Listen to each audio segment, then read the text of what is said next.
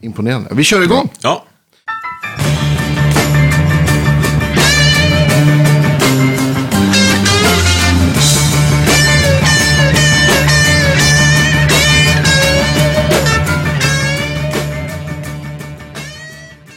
Välkomna till Guitar Geeks podcast.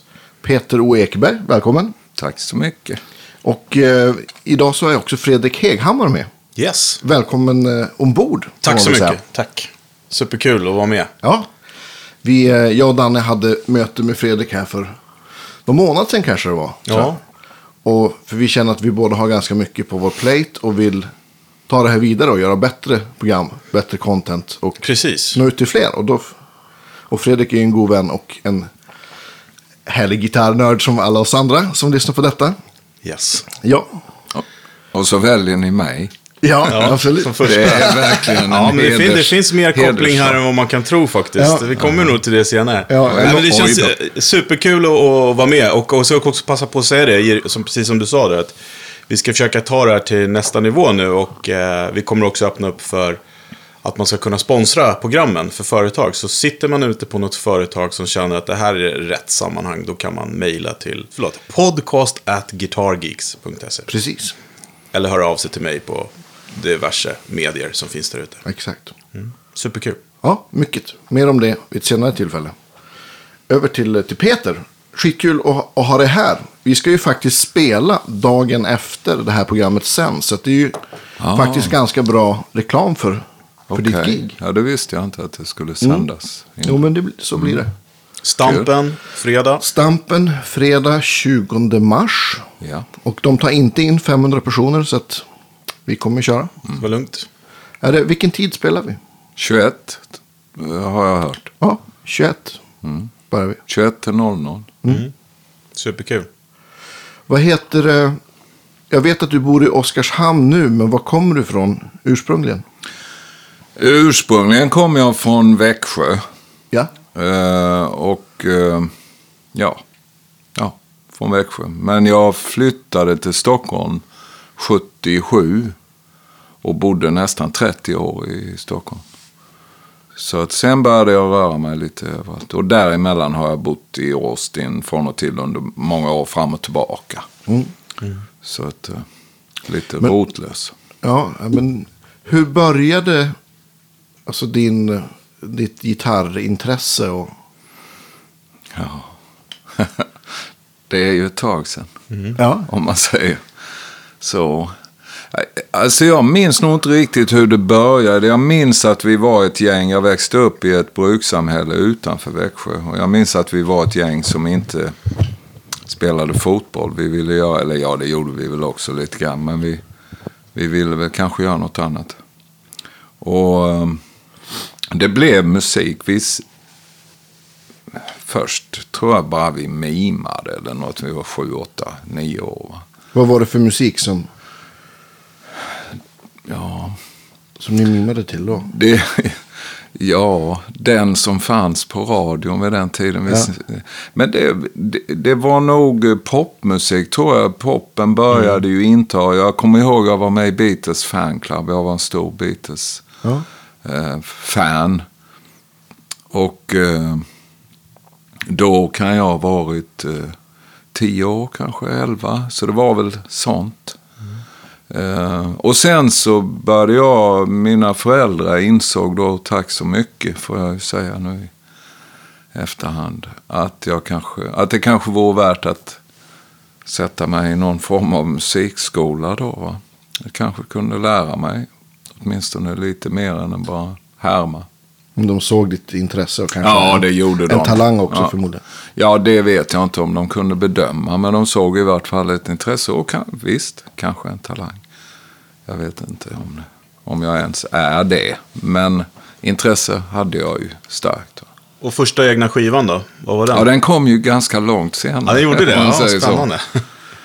Ja, det, det var ju en resa. För på den tiden var det ju stort som fan va? Att, att få ett skivkontrakt. Ja, ja, visst. Det, eh, och, och jag men, menar ingenting med att säga det just att det var så stort så, men det var det.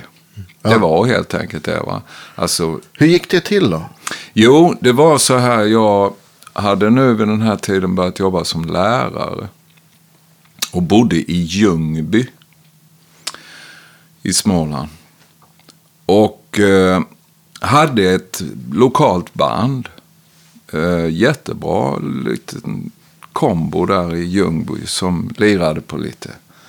Ja, vi åkte runt och lirade lite på helgerna. Va? E- eget material. Kul. För jag hade träffat en annan lärare. Sölve Rydell heter han. Och han skrev texter och jag började sätta musik till de här texterna. Och vi spelade in det. Vi gjorde någon jäkla kassett och skickade iväg. I hopp om att vi som 10 000 andra lokala band skulle då eh, bli på något sätt åtminstone få ett hyggligt svar tillbaka. Eller ens ett svar tillbaka. Vi fick fyra stycken. Vi fick fem. Eller jag, eller ja, vi, men jag var ju ändå frontfiguren så, och var den som skickade in. Och så. Eh, fick fem svar varav det fyra var positiva. Fyra ville Kul. träffa Ja, oss. hö- Ja, det var helt fantastiskt. Det var verkligen Men vilk, vilket år var det här? 1974 var det. Sen spelade vi in albumet 75.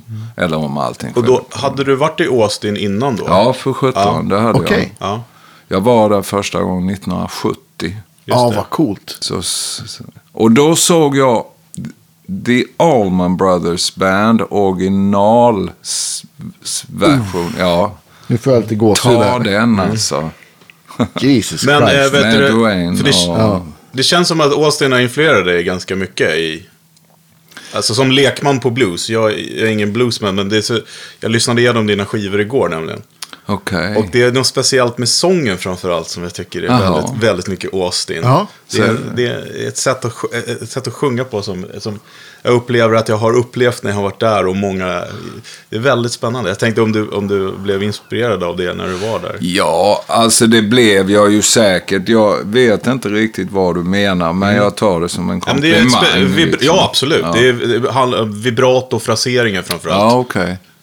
Nej, men jag tror inte det, eller jag är övertygad om att det inte är medvetet. Men däremot så är det klart att när du upptäcker en sån plats, jag var med i ett utbytesprogram, när, vid 17 års ålder. Va?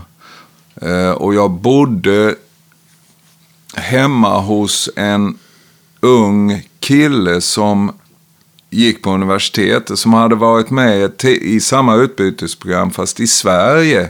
Så att jag var liksom inneboende hos honom. Jag såg aldrig röken av honom. Jag, så jag hade ingen parental guidance eller något sånt. Utan jag var helt lös och ledig där när jag hade gjort vad jag skulle. Så, att säga.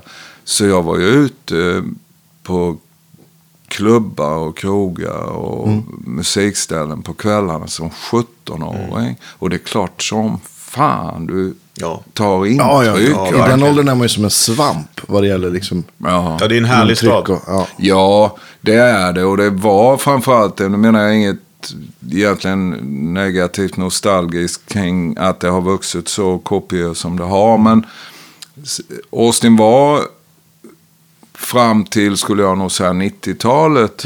Eh, kanske en lite mer eh, omhuldande. Det är oerhört mycket mer business nu än, Oh ja. än vad det var då. Va? Men Austin är väl också en, en eh, för de som inte vet, en gammal hippiekoloni Mm. på något sätt.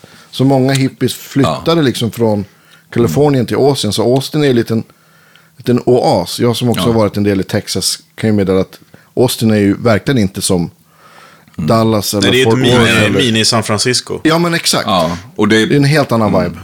Det stämmer precis, precis det du säger. Och just det här att man... eh, Till skillnad från i Dallas och Houston och San Antonio och Atlanta eh, och vad det nu var för andra större sydstatsstäder så accepterade man de här hippierna och fritänkarna, kreativa människorna som kom då i slutet på 60-talet. Och de, folk drar ju folk va. Så att de drog ju ännu fler och helt plötsligt började ju kanske tankegodset i Austin att utvidgas rätt rejält. Va? Och kreativiteten flödade och ur det växte ju då en eh, ska man säga, kulturell tillväxtfaktor som har bidragit till attraktiviteten av Austin. Och, och det om man vill koka ner det väldigt snabbt. Va? Sen kan jag dra siffror kring detta Ja. om, Ja. om ni vill höra. Men det vill Ja, men de har ju, vad är stadsslogan i Keep Austin Weird. Ja, så att, eh, men jag kommer ihåg första gången jag var där, då, eh, de har ju så här eh, lokal-tv som visar liksom, vad som händer på klubbarna och livemusik dygnet runt. Mm. Ja. Så man kan sitta liksom på hotellet och kolla, äh, jag ska gå dit ikväll kanske, ja. jag går på Steamboat eller gå dit. Det är ganska häftigt. Härlig stad. Ja, Ja, verkligen. Och musik överallt. Favorit.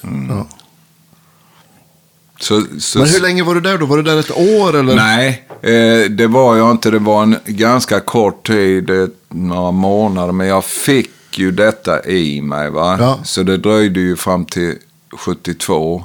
Så åkte jag tillbaka. Ja. Och efter den resan så bestämde jag mig. Då var jag bara där en månad. Då bestämde jag mig, här ska jag bo. Och sen flyttade jag dit 73. Vilket inte egentligen resulterade i någonting annat än att jag hade hur kul som helst i något halvår eller vad det var. Sen Men fly- spelade du flyttade jag- mycket Ja, jag spelade Ja. enbart i Ja, princip. det var det. Då var du liksom igång redan fullt ut. Ja. ja kul. Och sen flyttade jag hem och så flyttade jag tillbaka och sen flyttade så där har jag hållit på Ja. från och till. Va? Det är de senaste 15 Man tänker, 20. alltså Austin tidigt 70-tal, du måste ju ha hört en hel del legendariska Mm, det gjorde jag säkert. ja, artister. Åtminstone Liksom. blivande legendarer. Ja. Ja.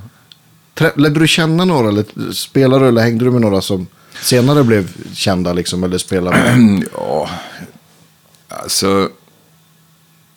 Det var ju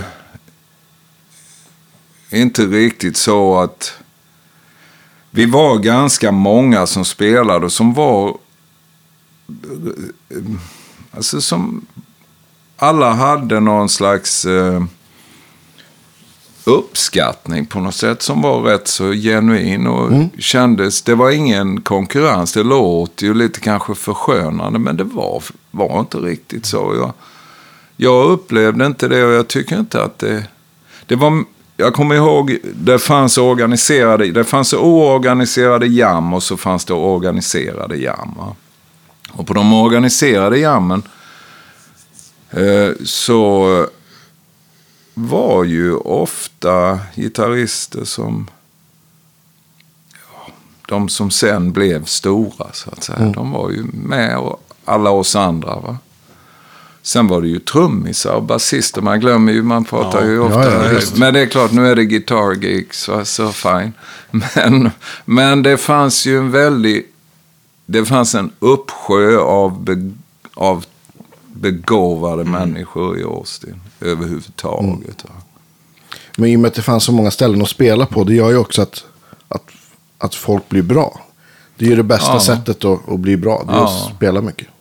Det var ju inte mycket pengar i, i branschen, men vi klarade oss. Spela på bucket. Ja, det var ju mycket sånt. Och ibland var det ju betalt. Men man klarade sig. Det var ju så otroligt billigt att leva. Va? Ja. Jag hade bil och ställe att bo och liksom. Så att det var... Kommer du ihåg eh, vad du släpade runt för prylar på den tiden? Ofta lånade grejer, stage-grejer. Ja. Men eh, Vad hade du för gitarr då? ja, jag hade... På 70-talet hade jag en 57 Goldtop. Humbucker 57, en original.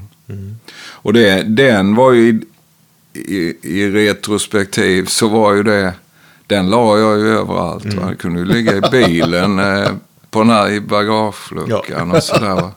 Ja, det var ju bara en gitarr. Liksom. Ja, det... Ja. Ja, Den var ju nästan ny då. ja precis. Precis. Nej, men sen hade jag, eh, jag hade andra gitarrer också. Jag kommer inte riktigt ihåg vad jag hade för några. Men det var, jag har haft så in i helsike mycket gitarrer Ja. alltså, genom åren. Kul.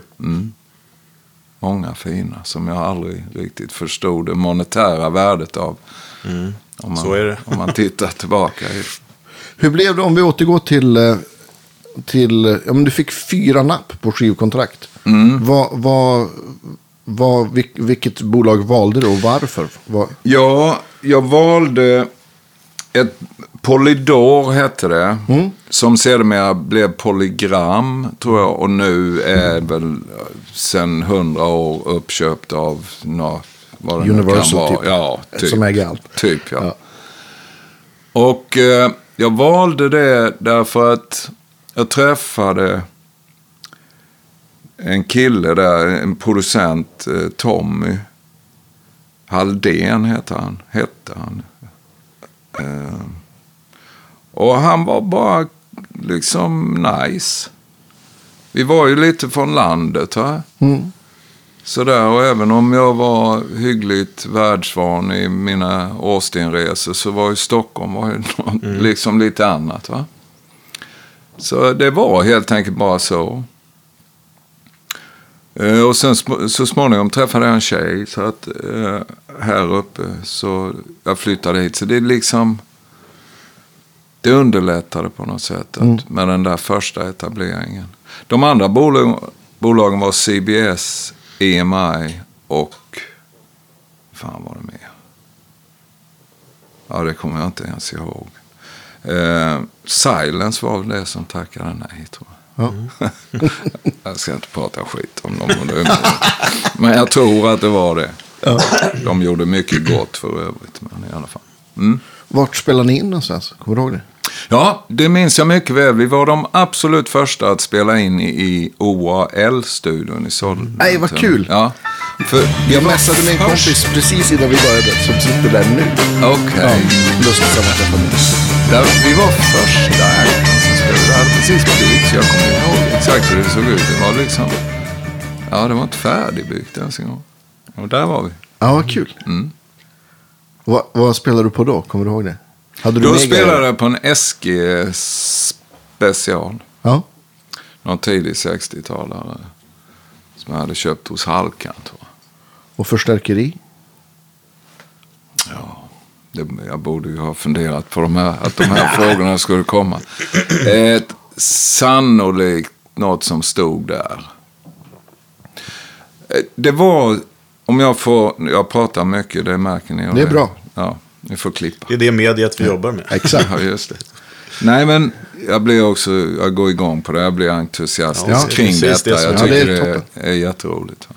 Att någon, att någon ställer de här frågorna. Återuppväcker gamla minnen.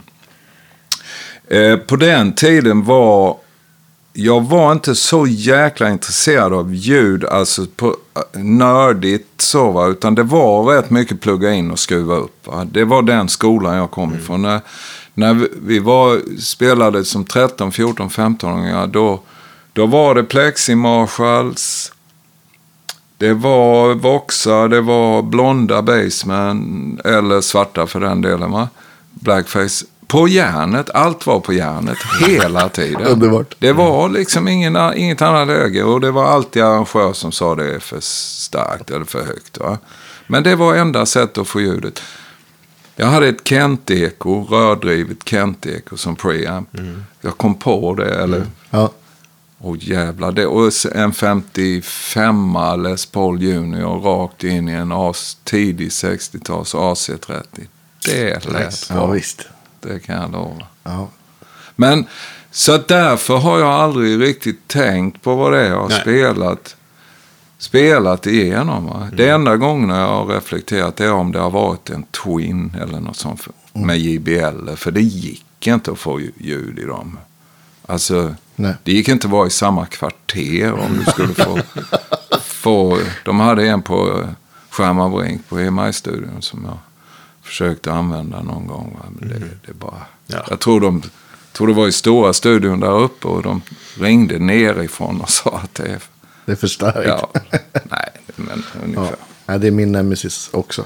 Men är det, är det fortfarande de upplevelserna som du hade på den tiden? Som du sa, det var ju liksom kött och potatisgrejer. Nu är det lyx. Eh, både att ha de där grejerna men också att få spela på den där volymen. Är det fortfarande de ljuden som sitter i ryggmärgen som du försöker liksom återskapa med Ja, det är det diverse nog. utrustning idag? Liksom? Ja, för att, ja, det kan det vara. Mm. Eh, Men även nya sound.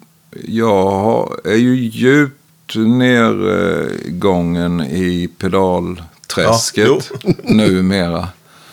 Ehm, och, och det är nog det där eh, sökandet efter eh, the holy grail på något sätt. Va? Att det tar aldrig slut. Men om man tittar på de facto eh, att idag har du liksom bra ljud. Eller jag tycker jag har det, i stort sett direkt. Va? Men å andra sidan är det ju för att jag vet något annat. Jag vet ju att om jag byter den pedalen så får jag det och det och det. Va? På den tiden var det ju liksom inte så. Nej. Det var någon fast kanske någon hade. va? Och det är ju inte hundra år sedan detta. Utan det är ju nästan hundra år sedan. Nej. Nej, men jag, jag, men jag förstår precis vad du säger. Och jag, jag är, har en del eh, kompisar som fortfarande bara, bara inom situationstecken spelar. Och man, jag är rätt avundsjuk på det. Att det här med liksom, det spelar ingen roll. Ja, visst. Så länge jag låter så är jag nöjd. Och det, det finns något eh, fint med det också. Mm, absolut. För det blir, kan bli fokus på fel saker ibland. Men har man tid och tycker att det är kul så absolut. Eh, Men, men just det här med att inte, inte bry sig så mycket om vad man spelar på. Jag är rätt, rätt fascinerad och lite avundsjuk på det. Men, men det är ju jag också idag. Ja. Folk som gör det. Va? Men man ska ju komma ihåg då som jag säger att det, det var, vi var ändå ute efter ett sound eftersom vi nöjde oss inte med att bara sätta det på fyran liksom. Nej. Utan det skulle stå på tian, alla rattar skulle stå på tian. Va? I, I stort sett. Precis. Den här förstärkaren skulle ju koka, det var ju hela... Hade man läst det någonstans? Eller, eller var det så ja, men så här låter Clapton, så ska det låta liksom? Ja, det- jag tror Eller- det var bara att eh, det var trial and error. Ja. Hur får man det ljudet? Eh, eller det ljudet, det var ju bara han som kunde få det ljudet. Va? Men Mm. hans ljud liksom. Men eh, man kunde ju komma åt det hållet. Ja. Och då var det ju ja, volym. Det handlade om att förflytta luft. Ja, Precis. visst. och PA-anläggningen varit mer som en sånganläggning. Ja, För, att, för att resten hördes från scenen. ja, Ja. precis. Det soundet är ju fant- Jag älskar det soundet. Ja, jag med. Spela med sånganläggning. eh, För att det blir ju mer dynamik. Ja, absolut. Mm. Härligt. Mm. Ja. Jag läste någon intervju med någon gammal Hendrix roadie som sa det. Att all, många som sa att de var på konserter runt om i England och sa att ah, det var så fruktansvärt starkt. Så han sa att Nej, men det kan inte ha varit så starkt för vi ställde liksom volymen efter trummorna och sånganläggningen. Så de enda gånger som han egentligen spelade riktigt starkt det var på de stora festivalerna. Ja, liksom. För att annars hörde han ju inte vad han sjöng. Nej. Så att, men det blir väl så. Det blir myt, Ja, det är mytbildning. klart. liksom. Alla var ju på Bruce Springsteen på Konserthuset också. Ja, ja, visst. 75. Och hur många var det som har varit på Woodstock? Det är väl flera miljoner i Ja, jag tror det. Jag har hört, hört det också. Mm. Nåväl. Ja, men första, första plattan då, vad, vad hände sen? Du hade flyttat hit till Stockholm. Började ni turnera eller började du göra andra jobb som sideman? Eller? Nej, jag vet inte hur lång tid ni har.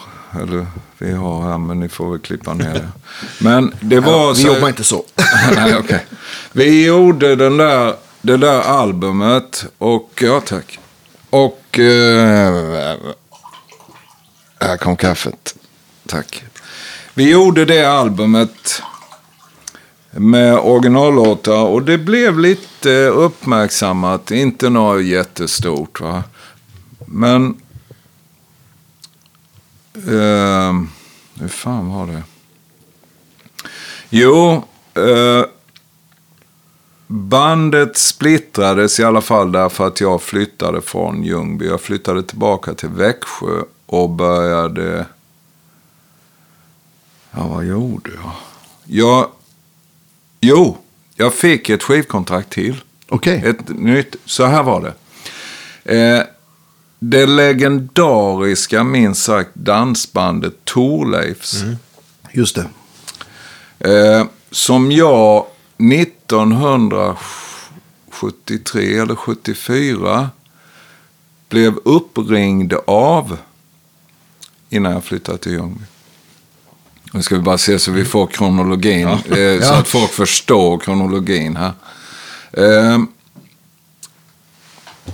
de ringde och behövde en bas, en basist som skulle att vicka. en eh, sommar för att deras basist skulle eh, in i lumpen. Och jag var ju... Tänkte, vad fan, jag kan ju inte lira bas. Jag hade lirat bas i och för sig. Va? Jag vet inte var de hade fått det ifrån, för det var långt, långt tidigare när jag var... Eh, ja, i alla fall så tänkte jag, ja, varför inte? Det kan jag väl göra. Det var bra med pengar så in i helsike. va. Jag tror aldrig jag har tjänat så bra än idag som jag gjorde då, de, de där veckorna. Eller månaderna. Så vi åkte några turnéer i Norrland och jag spelade bas fyra timmar per kväll. Med Fender-bas och analyser. Jag lärde mig nog aldrig låtarna tror jag. Utan jag förstod, eller ja, kanske hyggligt, men i alla fall. Vi hade jätteroligt. Sen gick åren och det här med Ljungby och lärare och jobbet och eh, polygram och allt det. Polydor hette det. Ja. Sen hör Thorleifs av sig igen. Då har de sålt miljarder album va? Och hade oerhört god ekonomi som bolag. Och skulle starta ett skivbolag. Vilket de också gjorde. Och eh, då ville de ha någon akt som liksom kanske var lite annan genre. Så de frågade mig om jag, har du lust att skriva på hos oss och göra ett album hos oss? Ja.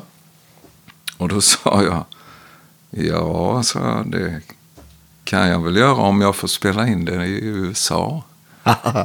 Smart. Det var inte så många som hade gjort. Och jag ville ju det med. Och då sa de, ja visst, sa de, det får du. Så det var bara skriva under. Och, sen åkte jag och spelade in eh, det 1976. Och det, det blev, I Austin då eller? nej, i Dallas, I Dallas, faktiskt. okej. Sundance Studios hette det. Eh, och det var en hel del bra folk med. Paul Lime bland annat på trummor som sedermera har blivit en stor... Han var etablerad Los Angeles session-snubbe och han spelar med många. stora- Nu är han Nashville sen 25-30 år tillbaka. Ja, i alla fall. Det var en hel del andra med där också. Larry White på stillgitarr. Var hittar man den plattan? Eh, ja, YouTube ligger den på. Ja. I någon eh, eh, halvdålig hemmagjord eh, digitaliserad version av, av vinylen. Va? Men den ligger där. Som Peter och Ekberg då? eller? Ja, Det, är ett, det är ett målat. Den blev utsedd faktiskt till en av årets bästa plattor, men en av, av tidernas sämsta omslag. Tror jag det stod i ungefär Okej. samma, samma Det artikel. Det var, ja. Men det var, den var jag nöjd med den. Vad, het, vad heter skivan? Den heter bara Peter O. Ekberg. Ja. Ja. Och vad hette det andra bandet? Var det ju... Attila hette det Attila. första. Ah, okej, ja. Så att sen när jag då kommer hem från USA och inte vet riktigt vad jag ska göra. Och det, det skrivs ganska mycket om den här. Då bodde jag i Växjö.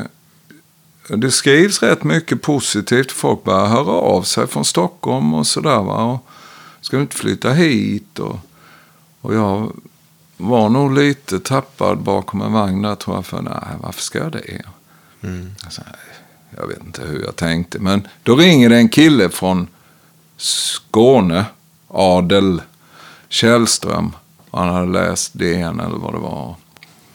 Hört albumet och sa. Eh, Ska vi inte sätta ihop ett band? Jag bor här med Peps, sa han, alltså i något kollektiv. va? Du kan flytta hit kan vi sätta ihop ett band. Ja, vad fan tänkte jag. Kan väl åka ner i alla fall och se vad det är. Så jag tog med mig. Då tror jag jag hade en AC30. Och eh, Les Paul Junior tror jag. Så jag åkte ner där. Och vi satte ihop ett band. Så lirade vi. Och ur det kom också Ray Montana. Just det. Eh, det var Peter Clemensson och det var Adel då. Roland Gottlov. Lite olika trummisar. Så jag kom in i den Malmösvängen där. Lirade med Björn Afzelius och Fjällis. Och, Just det. Så det var en fantastisk tid. Eh, I mångt och mycket kreativt alltså. Och sen träffade jag den här. Då flyttade jag till Stockholm. Ja. Då hade jag kapitulerat. Och fortsatte du då, för, för, du har ju spelat med massa eh, konstellationer och artister och sånt också. Gjorde du det medan du liksom höll på med ditt egna då och släppte skivor eller? Ja, det egna blev aldrig något egentligen stort. Jag var nog inte så bekväm tror jag som artist. Och är fortfarande egentligen inte det. Jag gillar att omge mig med bra folk så jag kan liksom ta ett kliv tillbaka. Och det gjorde jag även på den tiden. Det var väldigt, men då var jag, jag har nästan alltid haft ynnesten att spela med folk som är, är bra. Alltså bra i den bemärkelsen att de, de vet vad de gör. Va? Eh, Och man kan luta sig mot det. Men att vara frontfigur var ändå inte jag bekväm med. Nej. Jag gillar aldrig det där. Jag pratar mycket och jag tar plats i rummet och så vidare. Men jag är inte bekväm med att ändå, som en paradox, att stå på scen och ska prestera något på beställning. Va? Det, det är, lo- jag låser mig där. Va? Så att just att spela med andra, att få stå lite bak. Det var, var mer min grej. Och även att producera andra blev så småningom eh, mycket mer av min musikaliska trivsel. För jag, jag vart ju lite eh, extra glad när, jag höll på att säga Danne inte här, nej det är Danne vi saknar dig. Men eh, när han mässade och sa att han var tvungen hem med sjuka barn och jag visste att du skulle komma. För att eh, jag tror jag såg dig första gången med Louise Hofsten. Kan det stämma?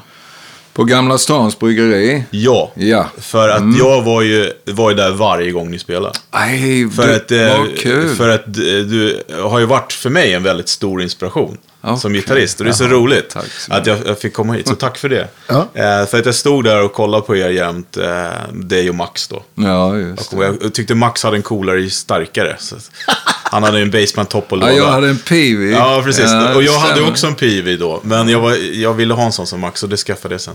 Men jag kommer ihåg det var så himla roligt för att eh, på den tiden fanns ju inte Spotify och sådana saker. Så att det var väldigt hemligt att få, få, få tag på grejer som du hade gjort då. För mig i alla fall. Mm. Ja, ja. Eh, men jag kommer ihåg jag gillade, ver- jag var verkligen inspirerade när ni spelade. Max är ju också fantastisk på sitt sätt. Men jag kommer ihåg att jag tyckte att den där andra hörnan lät lite bättre.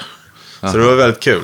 Sen har, ju, har, ju, har jag ju, eller du och jag, vi är ute och fiskar lite samma domäner där på de här köp och säljsidorna när det kommer till Ja. pedaler och sånt. Ja, och, och våran gemensamma vän Anders Svensson. Jajamensan. Som, eh, Ja.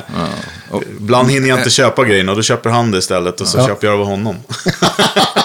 en bra Anders. gitarrist. eh, Verkligen. jättebra. Verkligen. Spelade Ja. faktiskt tillsammans för En bara god några vän veckor också. sedan. Mm. Ja, nej, men så att det, det var ju superkul att, eh, att eh, få komma hit och, och, och säga det. Ja. Eh, sen igår kväll när jag stod och lyssnade på, på dina skivor, bland annat den senaste, så var det väldigt eh, roligt för att jag stod ju och lagade bolognese. Mm. Och där Ja. sjunger du Jag kan vara din bolognese Ja. i en av låtarna. Ja, det stämmer. Tänkte jag, it's a sign. Ja. Ja. ja, just det. Men, men eh, du hade ju liksom ett... Ja, men det, vi pratade om det igår då vi repade också. Att, att du hade liksom ett glapp på 30 år där du nästan inte, inte gjorde någon egen musik alls. Nej, jag gjorde ingen egen Nej. musik. Det du, Fredrik, nämner där med Louise, det var egentligen ett hobbygig. Jag var på Sveriges Television som producent eh, i nästan tio år. Eh, under hela den perioden. Men jag var med och startade den där grejen på Gamla Stans Bryggeri. Och det var med Körberg Ja. och Louise. Det var måndagar va? Var det inte det? Ja, Hette men- det Blue Mondays eller kan det heta Ja, det? det, det var nog, Ja. något sånt va. Och då var ju Tommy med. Ja, Ja. fantastiskt. det var faktiskt ett jäkla bra band. Va? Det Det, magiskt bra. det måste jag säga. Men det är få som... Det var nog inte så jäkla... Vi, vi körde över ett år Mm. Där. Och det var ju tack vare att det fanns eh, möjligheter eh, från ägarhåll där va. Att eh, hålla det här om ryggen. Eh, tack Jan Stenbeck måste jag säga. För Ja. att det indirekt kom ju pengarna därifrån. Så att det där bandet kunde ju funka måndagar. Och söndagar, men då var inte Tommy med. Nej. Å andra sidan var det ofta då Louise som klev fram. Eller Malla. Ah, Ja, var, ju, precis. var ju ofta och frontade på måndagar. Rickfors, eller på söndagar. Rickfors var med. Och det kom och det var lite mer jam. Kan Dan va? Hylander varit med också någon gång, eller? Nej. Det minns jag inte om Nej, Dan. Nej men jag, som du säger, det var ju fantastiskt. Och det var gratis Ja, det var entré gratis entré dessutom. Helt, helt va? otroligt. Och sen så var ju de väldigt tidiga på det där med craft beer också. De där. Precis. Deras grumliga öl där som man tyckte stod och lapa i sig. Ja, det var fantastiskt. Det var riktigt Ja, vad bra. roligt att du nämner det. Jag, var, mm. Ja, det miss, jag missade ju tyvärr. Där. Jag, jag bodde ju inte här då. Jag hade, var alldeles för ung så jag hade inte fått komma in heller. Förmodligen ändå. Men Det var väl mitten på 90-talet? ja, ja det var det. tror jag. Riktigt spännande. Och där var ju, kom ju också folk som jag kände från tidigare på söndag. Jag vet Kim Wilson var och gjorde en Ja, hel coolt. kväll eh, med oss och Ja. vi backade honom. Och, ja, det var, jag minns inte vilka det var mer, men det var, det var en, ett jäkla kul gig. För det var sån uppställning, Mm. du bara tog gitarr med det, allting var liksom klart. Va? ja. Och bra ställe också. Alltså miljön och, Ja, Ja. visst. och scen, bra ljud och he- hela baletten. Men så där stod man och, och suktade. Men faktum var att vi, vi spelade där några år senare sen. När det var det här eh, hemska programmet Baren. Just det. Ja, just det. Ja, det, det ja. Då hade jag flyttat till Stockholm.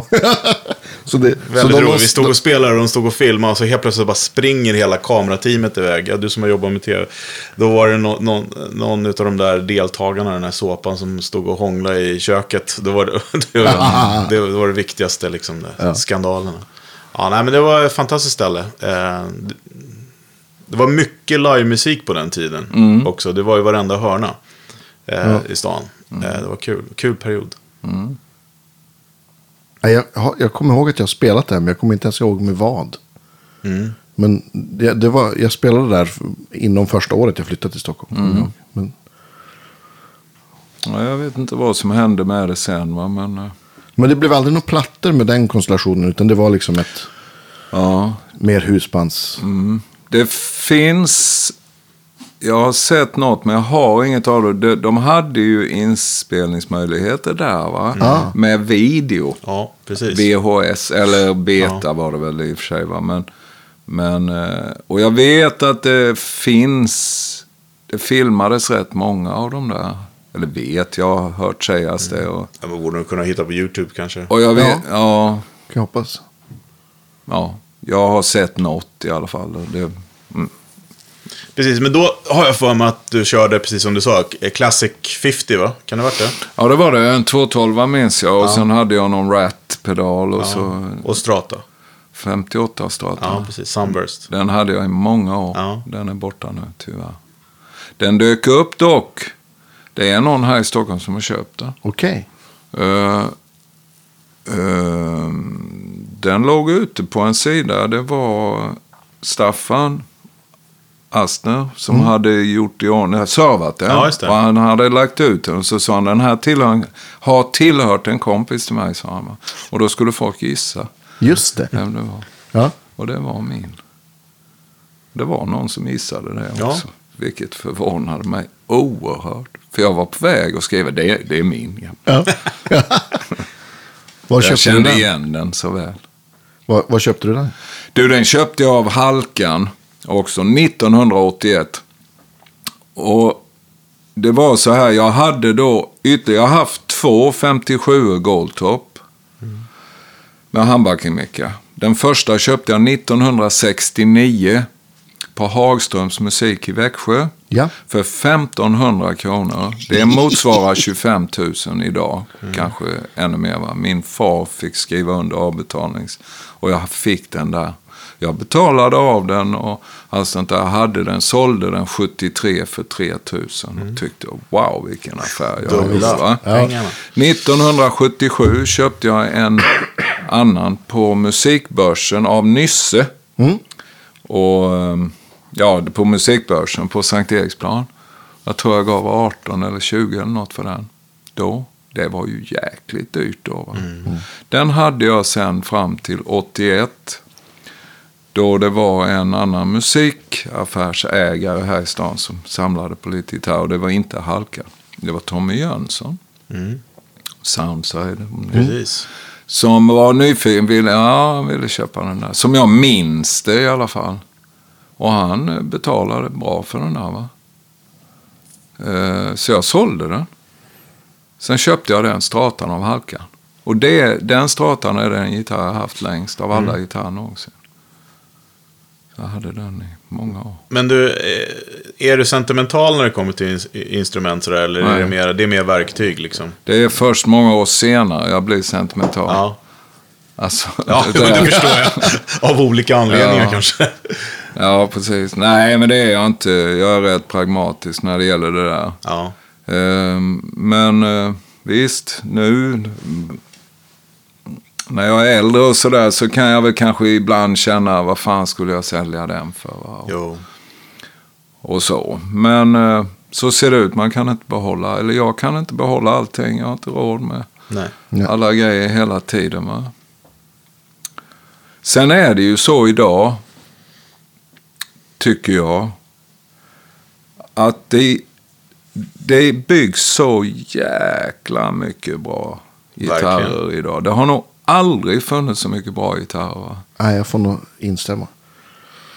För att det, hur det än var, jag har haft kanske inte hundra, inte flera hundra, men säkert över hundra gitarrer totalt. Och det fanns en anledning till det, bland annat alla USA-resor, att jag köpte alltid med mig eh, en eller två, till och med tre gitarrer hemma. Och så spelade jag på dem något halvår eller något.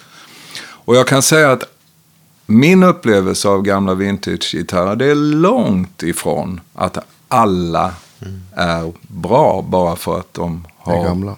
Bara för att de är gamla. Va? Medans... Och det är ju likadant med CS-serierna. De är ju inte alla heller bra, men de som är bra är jävligt bra. Va?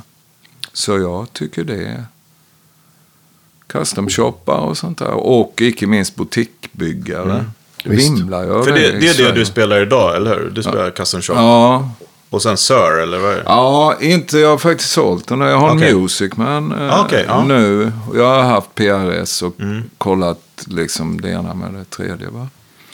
Men nu har jag en CS-startare som jag har haft rätt länge. Och en Music Man Cutlass. Mm. Som jag tycker är en fantastisk eh, fin gitarr att lira på. Men jag är Mm. inte helt nöjd med mickarna. Det är Mm. något lite för snyggt över dem på något sätt. Det är bara att byta. Ja, fast det är ju sånt där tyst system. Sån där, så, här. Jaha, så det är inte bara liksom att ploppa Nej, nej. ut. Va? Mm. Men det är en kanongitarr. Ja. Ja, Till gör salu. verkligen Ja. bra. Ja, men den är verkligen superfin. Ja. Nåväl. Men eh, när du spelar in då, nu för tiden, när, du- på förra skivan som du Mm. släppte, eller senaste får man säga. Vad, vad, vad körde du på då? Är Eh, det samma som live eller?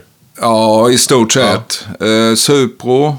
Eh, någon eh, Mm. Vilken, Fender. vilken modell? Super? Eh, den här Rhythm Master heter den väl, tror jag va? Det är en 15-tummare. Just det. Okej. Jag tror den heter Rhythm King. Nej, Rhythm Master. Jag har kört på Supro ett tag. Mm. Gillar dem. jag gillar även annat, vilket jag upptäckte icke minst igår. jag fick ynnesten att testa. Jag har aldrig testat de där Olsson-stärkarna. Det var jävla bra. I alla fall. Eh, eller någon eh, Fender. Ja. Jag har ju, har ju ett antal förstärkare Mm. hemma. Och så någon pedal och så snabbt som fasen. Du bor i lägenhet kan du inte hålla på och, och inte för starkt och så. Eller så är det en plugg. Mm. Eh, Så att nå- något av det. det, eh, Albumen har eh, pluggar, men ofta kanske inte solomässigt lika mycket. Men, men eh, där, många låtar använder jag pluggar. För du spelar in hemma. För jag, Ja, läste, jag läste den här Mm. MM-artikeln som ligger. Det kan jag rekommendera. Googla fram den. Det är mycket matnyttigt. Ja, Eh, kul. Den får vi länka till. Ja, men just att du spelar in hemma. Så Ja. då förstår man ju att det Mm. blir, blir begränsat såklart med hur mycket man kan stå på. Ja, det, men det är också... Det tvingar ju en till att fokusera. Ja. Va? Och det är ju rätt roligt att göra det rätt kvickt. Ja, visst. För jag brukar gräva, förr kunde jag göra, hålla på 10, 15, 20 tagningar på ett solo. Och det blev ju bara sämre och sämre Ja. och sämre. Va? Vilket man inte insåg, för man, eller jag inte insåg, för jag letade efter något annat. Mm. Jag letade inte efter det där spontana, utan jag letade efter att det skulle si- sitta. Mm. Och det var ju, dö, det var ju Ja. helt ointressant om det satt. Jag tycker det är bra sound på, på den Jättebra. där plattan. Du har ju också gjort två skivor. För, alltså förra året släppte du två skivor under ett halvår. En i maj och en i september, eller? Ja, något sånt. Det är otroligt produktivt, måste jag säga. Ja, ja. Brist på annan. Brist på fri eller hobbyverksamhet. Nej, men det har väl varit någon drivkraft där jag velat få ur mig det på något sätt. Men är det låtar som du har haft skrivet sedan länge? Nej. Eller? Nej. Jag skriver nästan under tiden. Okej. Eller inte riktigt, men... Men eh, jag kanske har skrivit dem precis innan jag spelar in dem. Ja. Hur, hur har du någon sån här... äh, Något go-to-sätt då du, då du börjar liksom spela in eller prodda en låt? Att du liksom gör på något speciellt sätt eller är det från låt till låt? Ja, nej, men jag har nog... Eh, brukar nog eh, leta reda på någon bra trum... Eh, du menar när jag sätter igång inspelningsprocessen? Ja, då brukar jag hitta något bra tempo. Eller som jag känner att det här är eh, bekvämt. Eller vad man nu ska kalla det. va. Eh, och sen lägger jag något trumtrack bara eh, rakt igenom. Och så spelar jag en gitarr till trummorna. Och har en så, SM57 som jag sjunger i. Så jag sitter vid liksom konsoln och Ja, framåtlutad. Prince, och- Prince style. Ja. och sen så lägger jag det då som någon grund. va. Så bygger du från Ja, det. och sen så börjar jag bygga och det är ofta kompgitarr. Jag lägger ett par, två, komp, vänster och höger. Sen lägger jag bas. Och sen så börjar jag bygga på. Eh, sen skickar jag iväg så det är ju andra som är med och lirar. Va? Men jag brukar ge dem, det är det här stuket och, eh, och så vidare. Så att, det är väl ungefär Ja. i den ordningen. Och sen... Så det där, det där stödsången som är, den får ofta ligga rätt länge innan jag gör slutliga. Kan det vara så att stödsången inte ens har text klar utan det är mer bara en Ja, idé? det eller? kan det. Det kan det absolut vara. Åtminstone delvis. Och de vill man ju inte släppa ut. En, en grej som slog mig, eh, som jag lyssnade igenom då igår ganska mycket, eh, var att ganska genomarbetade intron på låtarna. Jaha, och sen faller det eller? Nej, nej, nej, absolut inte. Nej. Verkligen inte. Nej, men jag, jag tänkte på det att, att eh, man är ovan, jag är ju i alla fall ovan med annan musik jag lyssnar på. Att, att intron är, det känns som att det ligger lite tanke bakom introna på låten. Det sätter liksom känslan på låten. Jag tänkte på det faktiskt igår. Vad coolt. Eh, Jaha. det, var, det var länge sedan jag hörde det på annan musik. På samma sätt. Det kanske Men är liksom det där gamla LP-tänket att det ska liksom... Är det riff du tänker eller? Nej, det var nog ljudbilden och, och liksom... eh, Det kändes som att introna liksom byggde upp låten ganska mycket. Mm. På, på ett väldigt bra sätt. Jag, det, jag kan inte förklara mer i detalj, men eh, det var en känsla jag fick. Ja. Ja. Det är kanske lite old school sådär. Jag har Ja. nog det med mig Ja. tror jag från, eh, har ju varit lite Anders Burmans lärjunge på, eller vad man ska säga, elev. I, i viss motto. Va? Mm. Alltså just det här att dramaturgi är viktigt. Liksom. E- Exakt, exakt. Vilket man kan tycka ibland när man, man också, precis som jag har vuxit upp med LP-skivor. Att, eh, och vi som spelar vet ju hur mycket kraft det är att få rätt ordning på låtar, Ja, både live och på skiva och sådana saker. Att det nästan har försvunnit nu när man lyssnar mer på random och hit och dit. Och det är liksom, det sitter inte ihop på samma sätt. Och icke minst tonarter. Ja. Alltså lägga Ja, två G-moll efter varandra eller två Ja. A-låtar. Det är för mig är bara no way. Alltså. Det, jag till och med har ändrat tonarter för att jag skulle vilja att två låtar ligger efter Ja, varandra. det. Men då har jag skrivit dem i samma tonart. Va? Då har jag varit tvungen att bara göra om den igen. Ja. ja. Det är en konst som kanske försvunnit lite. Ja, ett, ett, ett sätt att tänka som kanske inte lika, eller som inte används lika mycket i dagens Mm. Och då menar jag inte så här Pink Floyd konceptskivor. Nej, nej, men bara, bara- rent, bara ett- rent, liksom att det här med, precis, berg dalbanan som jag brukar prata om när man gör låtlistor när man ska spela live. Man vill Ja. upp först och sen droppar man ner och så åker man upp på slutet Ja, igen. men visst. Nej, men all form av upplevelser eh, är ju också en form av berättande. va? Det är ju en form av story som ska förmedlas. Oavsett om det är bild eller ljud eller text eller vad det nu kan tänkas vara. Så är det ju. Och därför är dramaturgi viktigt. Men eftersom vi konsumerar på ett annat sätt idag, väldigt snabbt och kort. Va? Och sen är, är det över, så att säga.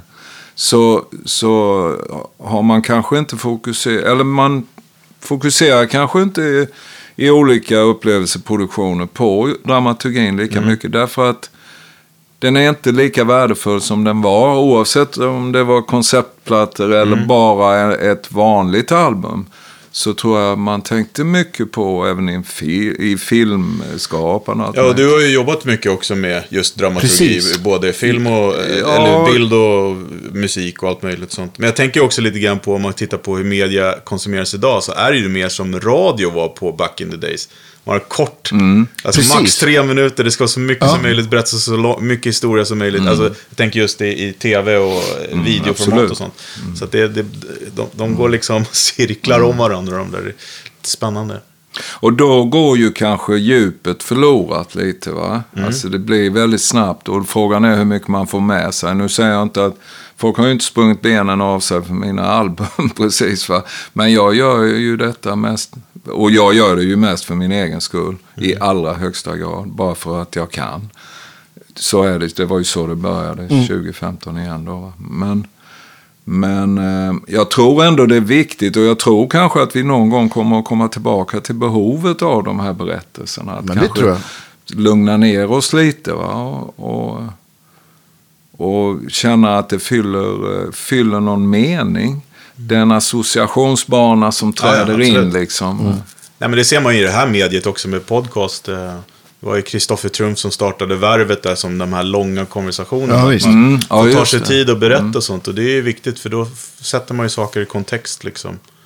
Eh, Mm. Och det, precis som du säger, det blir en bättre upplevelse. Och sen är det väl också där man menar allvar. Ja. Alltså det Ja, etablerar ju någonting.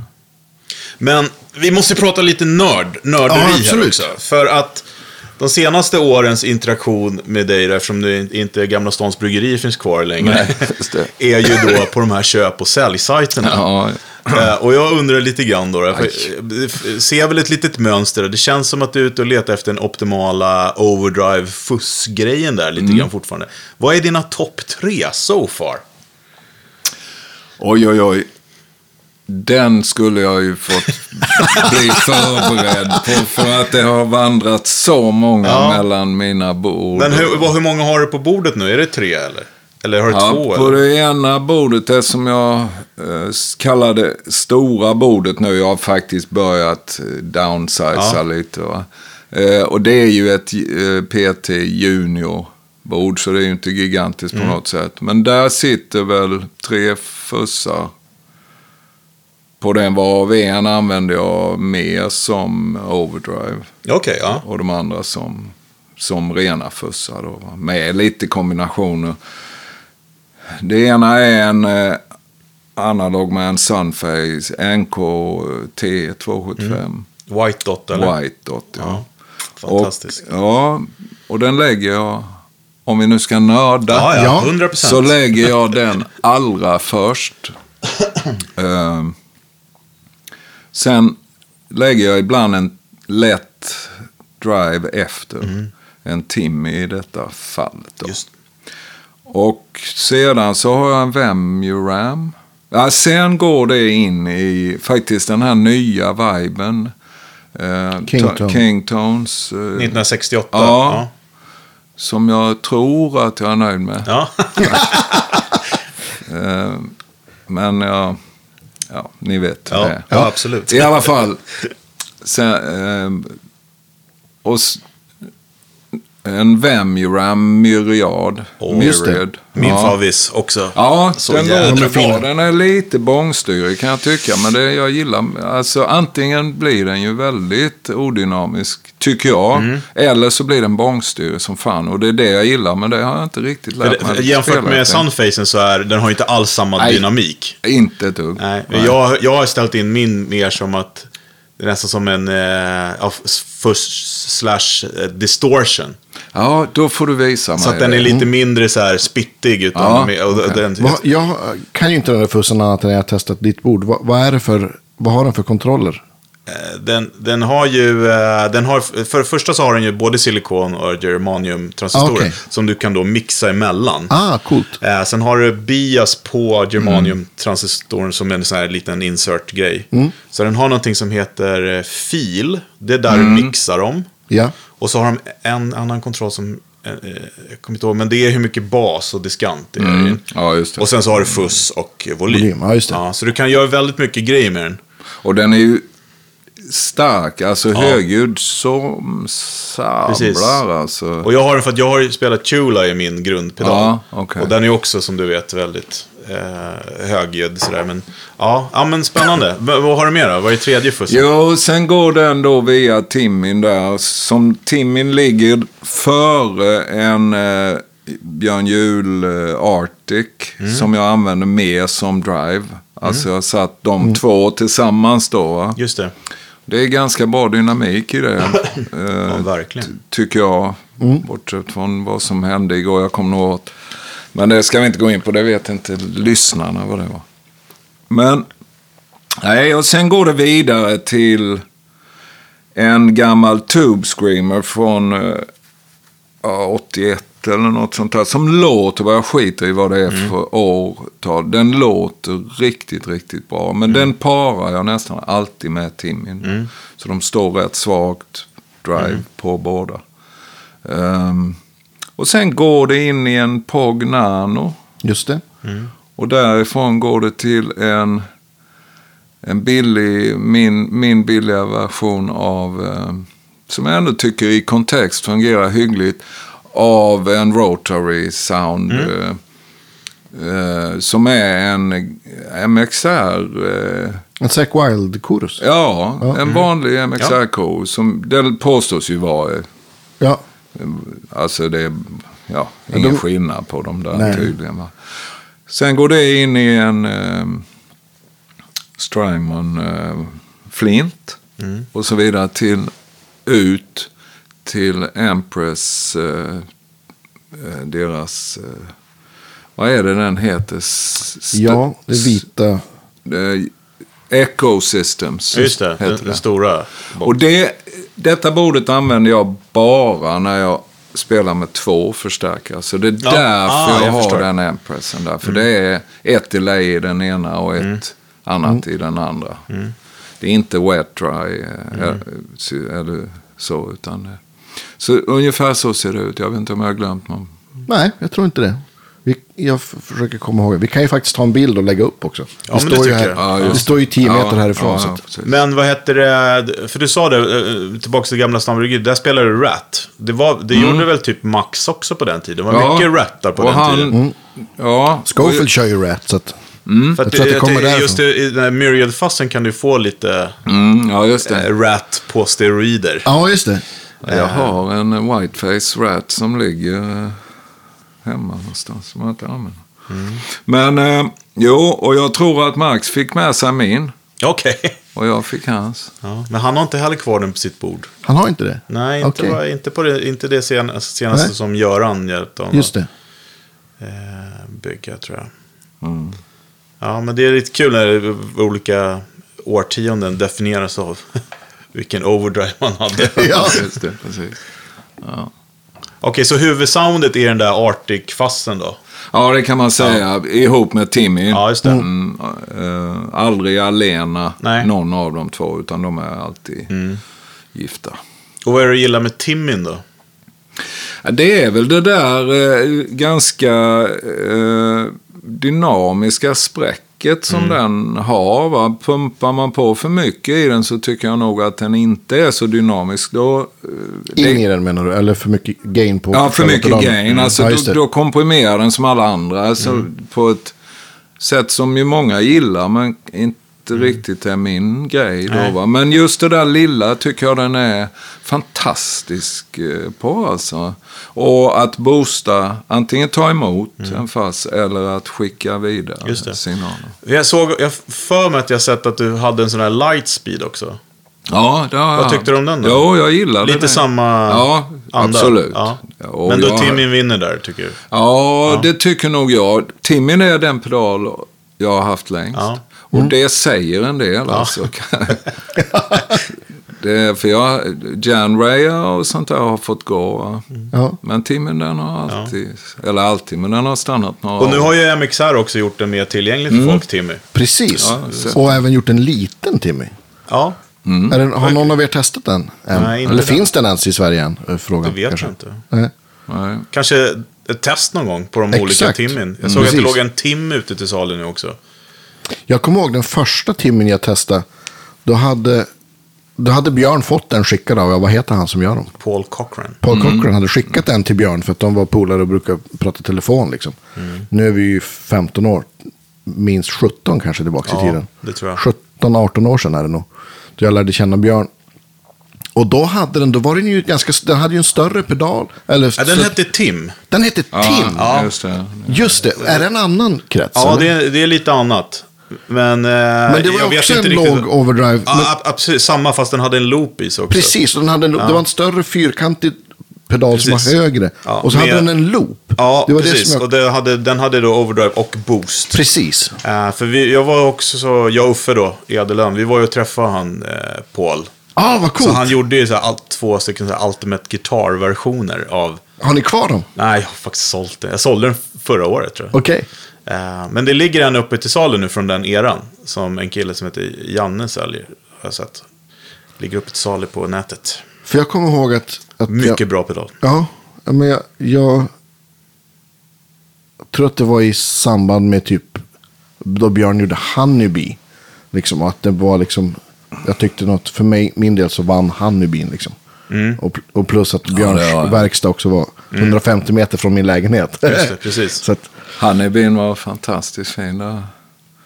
Den fick dock gå hos mig, men Mm. eh, det var lite synd. Det, innan. One Control gör ju en jättebra, ska jag säga. Ja, det är så. Jag Ja, så såg det. en som låg ute nu för en tusenlapp. Jag var nästan på väg att ta den, men Mm. eh, det... Ja, Nej, men det är kul. eh, Men det tar ju aldrig stopp. Nej, absolut. nej, det är ju det. Men det är, det är som jag sagt förut, träkoj-syndromet. Det är ju liksom sökandet efter delar och byggandet som är det roliga. Inte att det ska bli klart. Nej.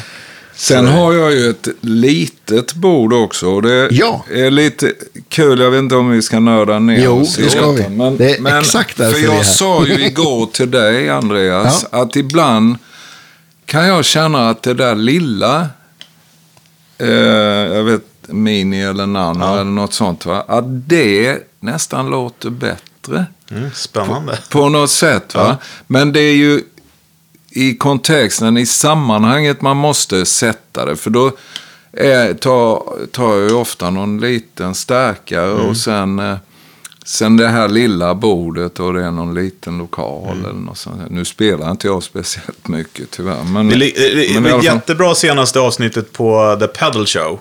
Just det. Så har de han eh, Mythos-killen där. Precis. Ja, Då nej, pratar det han om det här med service eh, mounted. Alltså när man Mm. sätter komponenterna uppe på istället för att sätta dem igenom då, som på traditionella pedaler. Mm.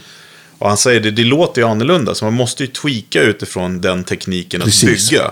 Och det, det är kanske så många leverantörer inte gör. Man tar designen och så kör man ut den precis som de är i de stora pedalerna. exakt. Och då, låt, då är det skillnad. Det behöver inte, I det här fallet som du säger kan det ju faktiskt låta bättre. Det vet man ju inte. Men Nej. Nej, men det är någonting med det där eh, i sin enkelhet, eller enkel, det sitter bra grejer på det också, men det är, eh, det är mer bara ihoprafsat liksom. Eh, kanske lite mer standardgrej och, och på någon jäkla vänster så har det sån enorm dynamik. Kul. Och, ja. vad sitter på det då? Där sitter först en EP-booster. Ehm, och sen sitter det en Odyssey Hamstead. Ah, Som jag kör som eh, overdrive. Alltså rätt så, inte superhårt. eh, Men ihop med EP-boostern. Och därefter sitter det en Mac. Vad heter det? En Red Mac. har jag inte testat. Ja, en fuzz, alltså um, Jams fuzz. Ja, just det. Ja. Som heter Red Mac. Eh, och sen sitter det tremolo bara. Och sen, eh, Vad är det för tremolo då? det är en... eh, ja, nu har jag bytt. Jag sitter och tittar på den här bilden. Ja. Här är det en gammal Tramster. Ja. Och det låter jättebra. Men vad fan har jag? Jo, jag köpte ju på rean av eh, TGT. Keelys Verb Trem eller Ja, vad den det. heter. Ja. Och den låter ju riktigt bra. Tycker, så det sitter där. Sen sitter det en Wampler Tape Echo, den här lite större. Och därefter sitter det en Screddy Echo. ja. Det var ju inte direkt dåliga pedaler på lilla bordet. Nej, verkligen inte. Nej. Så det är inte så konstigt att det låter bra också. Nej.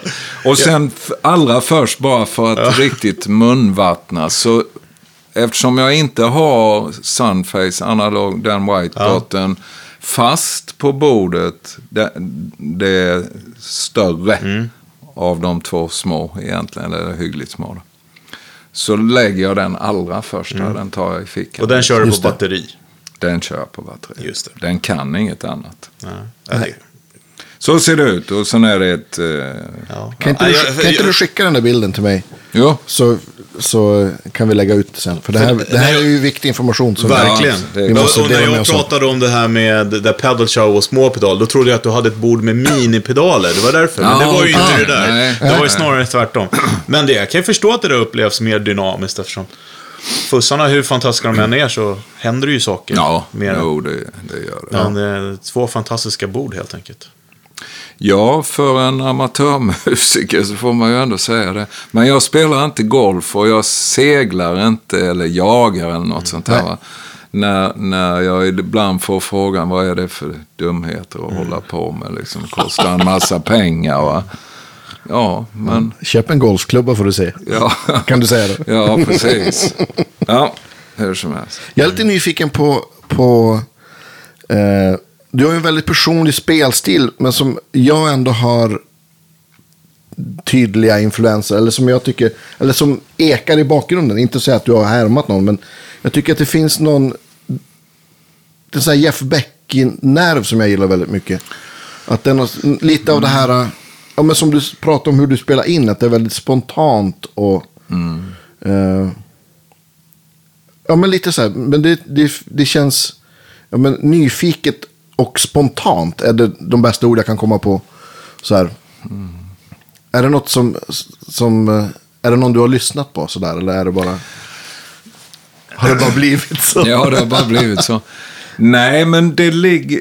Jag hör ju ofta att, eller ofta, men då och då att folk just refererar till Beck. Och det kan nog ligga något i det. Jag har alltid tyckt väldigt mycket om hans tonala språk, om man nu ska snurra in sig i, i eh, uttryck här. Va? Men eh, han är också lite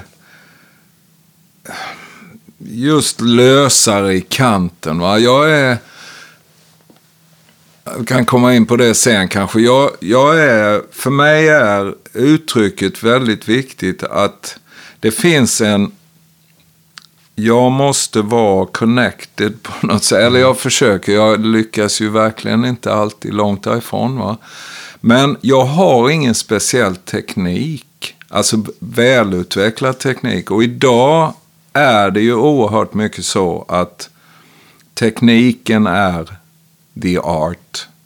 Alltså, alltså är du jäkligt driven tekniskt, va? då är du också betraktad som väldigt bra.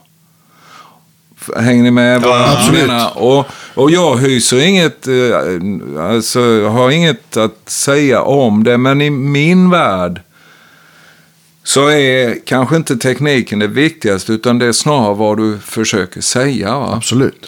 Och, och ja visst, det är självklart egentligen. Men för många är det nog inte självklart. För att om du vill säga någonting så måste du nog vara lite eftertänksam också i ditt spel. Va? Tror jag. Och försöka hitta den här connection. Alltså det, att du på något sätt kopplar upp dig mot, nå mot något annat. Va? Men sitter inte det lite ihop med, med det vi pratade om förut, hur man konsumerar musik och det här med att till exempel Instagram, du har en minut på det liksom. Och, Jo, så är det, så är det säkert. och du får ju mer klick på något där det går sjukt, sjukt fort hela tiden. Ja, absolut. Och det är imponerande. va? Ja. Fast det är ju en, eh, det är ju en eh, vad ska man säga, ett, ett, ett avslöjande i Instagram-världen nu. Att det är så många som speedar upp sina... Precis, Ja, vi pratade hörde om det igår det. också. Ja, Det är ja. ytterst fascinerande Ja, att det har gått så långt. Man ens bemödar sig med det liksom. Ja. Nej, men så att, bara för att avsluta en- långrandig utläggning så, så tror jag att det har att göra med att jag har, jag började att sjunga. För mig är det viktigt att försöka blanda någon form av, av gitarrspel, improviserat, med att eh, hitta någon melodi på något sätt. Va? Alltså inte bara att hålla, lira runt pentaskalan, utan kanske på något sätt i den där eller någon annanstans hitta någon, någon ton som, oj, vad hände där? För det var vad som hände mig första gången jag hörde Jeff Beck, just. Och det kan ha varit någon start på att influeras av honom. Jag har aldrig suttit, jag har aldrig gjort med någon gitarrist, suttit och liksom plockat ut den. För jag hör inte vad de gör. Va? Så att jag har alltid fått tolka utifrån. Jag har hamnat nära men jag har aldrig hamnat där. Va? Ja.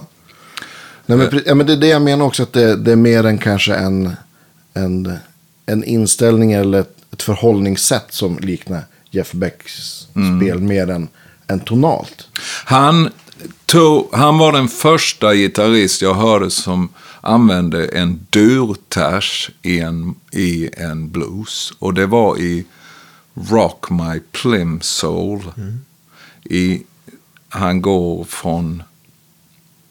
Han går till eh, subdominanten och landar på durtersen. Och det var ett ögonblick jag aldrig glömmer i mitt pojkrum 1960. Vad gör han nu? Vad var det? Det Ja. var så vackert alltså. Och, och överraskande. Det måste jag lyssna på. ja, men han, eh, han blandar ju liksom eh, tidigt element av liksom jazzimprovisation i rock. Liksom. Ja, på, 70, På, på blå- 70-talet. Liksom. Nu, nu finns det ju hur många som helst. Men, men, så att han var ju verkligen pionjär där. Mm. Med att spela med liksom ett, ett inom citationstecken rockigt gitarrljud. Fast, Mm. fast i friare öppna sammanhang. Liksom, och kanske använda toner utanför pentaskalan. Liksom. Sen finns det ju många andra gitarrister, eh, tycker jag, som i vart fall har, eh, som jag har lystrat till. Och det är ju de klassikerna naturligtvis, va, eh, som alla i min ålder nämner. Men också folk som Amos Garrett. Kan vara intressant för Oj, någon. ing, vet jag inte ens vem det är. Han, han var, gjorde, han lirade med Paul Butterfields bluesband. Eller det hette Paul Butterfields Better Days. Okej. De har gjort två album. Kolla in dem. Han är, en mycket udda tänkande gitarrist. Ja. Alltså. Han lirar bluesbaserat men helt... Första gången jag hörde honom var nog helt... Alltså det, det bara... Jag trillade av stolen och det är inte heller så oerhört tekniskt men det är något, lite Django, lite country. Alltså det är en mycket märklig bland, fusion av... av Ja. Så, mm, så han, han har också fått mig att fundera på Ja. hur man kan tänka. Ja, men det, och jag, jag, tänker, Många fler, herregud. Ja. jag tänker också på det jag lyssnar på. Ja, men särskilt de två senaste plattorna så tänker man lite på med Mike Landau. För han har också, Ja. han har, han har ju liksom det, den approachen också. Det känns som att det är mer i stunden och mer spontant än vad det är liksom, än vad det är licks. ja, På något vis. Att det, jo, det, ja, och, och det tycker jag för mig också, Landau är en sån, det går liksom inte att ducka för, för honom. Nej, han har ju lyckats behålla också på något sätt spelglädjen. Han, Ja. han verkar ju verkligen tycka om att lira. Ja, han blir ju bättre för varje gång man Ja. Samma med Scott Henderson faktiskt. Ja, Scott Henderson är också stor Jag såg honom senast. Ja. Alltså. Fast jag har aldrig ens vågat närma mig hans... eh, han- hans eh, eller ja, skitsamma. Vi ska, vi ska inte gå in där. Nej, han är fantastisk. Men det finns många. Wayne Krantz Ah, är också en verkligen. underbar gitarrist. Och, men de, de är så otroligt många. Eh, Men, så Wayne att, eh, Krantz är ju kul, förlåt jag avbryter. Jag, jag skulle ju göra en podd med honom. Ja. Där jag var i New York. Men, men vi skulle göra så att ja, men vi skulle ha... Jag, skulle, jag tog en lektion av honom och så skulle vi göra en podd. Men, men lektionen drog liksom ut på tiden. Det var de två timmarna som han hade. Liksom. Så att, och, det var, och jag gjorde, mitt val var ganska lätt. Så här, ska jag spela gitarr med Wayne Krantz en timme till eller ska vi prata en timme? så att det var... Vad bra Ja. val. Men sen är ju de här nya killarna, kanadensarna som kommer, Ariel Ja. Posen och, och Joey. Joey Landreth. Och de här är ju jäkligt eh, roliga att lyssna på, tycker jag. Mm. Just för att de sticker ut och det är inte enbart eh, det här penta idiomet. Men där har du ju också musiken igen. Exakt. Alltså det är ju riktigt Ja. bra låtar. det Ja, är inte exakt. bara gitarr och Nej, nej, men nej, visst, det, utan det är både och. det är liksom. Sen finns de gamla mästarna får man ju ändå säga. Man är ju imponerad man går tillbaka och lyssnar historiskt. Clapton och Peter Green och, och alla de här. eh, Gibbons. Mm. Betänk att de var liksom 19-20 år när de gjorde Visst. de här grejerna. Va? Mm. Det är jävla mig imponerande alltså. Av eh, både självbild och övertygelse Ja. om att, Ja, alltså herregud. trovärdighet i, i vad man vill göra. Va? Det är ju helt makalöst. Dagens filmtips. Det finns en, en CC Top-dokumentär Ja, ja. på, på iTunes. Den finns, om man har amerikanska Netflix kan man se den. Men Mm. det går inte att se här i Europa. Men ska, en, en, en tips på en, en kanadensisk, Mm. till kanadensisk gitarrist. Som jag lärde känna via ja, men Staffan Johansson som vi har haft där. Som spelar med Winnerbäck bland annat. Kevin Bright. Som, som är, och han är ju för alla. Han är väl lite som, ja men kanske Staffan Astner är för, för oss svenska gitarrister. Någon som alla gitarrister Mm. känner till och ser upp till. Men kanske inte så många, eller nog många utomlands vet om det. Han, han, har, han har skrivit låtar med Nora Jones. Och, men han har släppt Mm. säkert tio soloplattor. Och, och det är ju Ariels största förebild. Så. Jaha. Fantastisk slide-gitarrist och Kevin Bright, du? Kevin Bright. det ska jag lägga på på. minnet. Ja, ja, men jag kan, kan skicka, skicka några bra grejer. Och det är, han, det är väldigt, väldigt eget och, och fint. Eh, och, och även, han spelar också slide-gitarr och, och gör saker som är... Det låter väldigt enkelt, men det är ninja svårt. Ungefär på samma sätt som att man inte kan härma Bill Frisell. Liksom. Ja. Ja. det kan inte ens Bill Frisell göra. Nej, precis. Bill Frisell sa för övrigt på någon sån... Eh, eh, det finns någon, en live-skiva där han pratar mellan. Som de, det är, jag tror att det är en, en live-konsert där han spelar sologitarr. Och så är det korta intervjuer mellan. Och då, då sa han de kloka orden. Så, ja, men när jag var ung så, så likställde jag komplicerat lika med bra. Men sen insåg jag att så behöver det faktiskt inte alls vara. Och det är så, så kul för att han är ju verkligen, han spelar ju bitvis så enkelt så att man nästan knappt själv skulle torda spela så enkelt. Men då han, han kan ju liksom slå an ett, spela ett, ett G på sin tele och, och skaka lite på halsen och så blir man alldeles, alldeles rörd.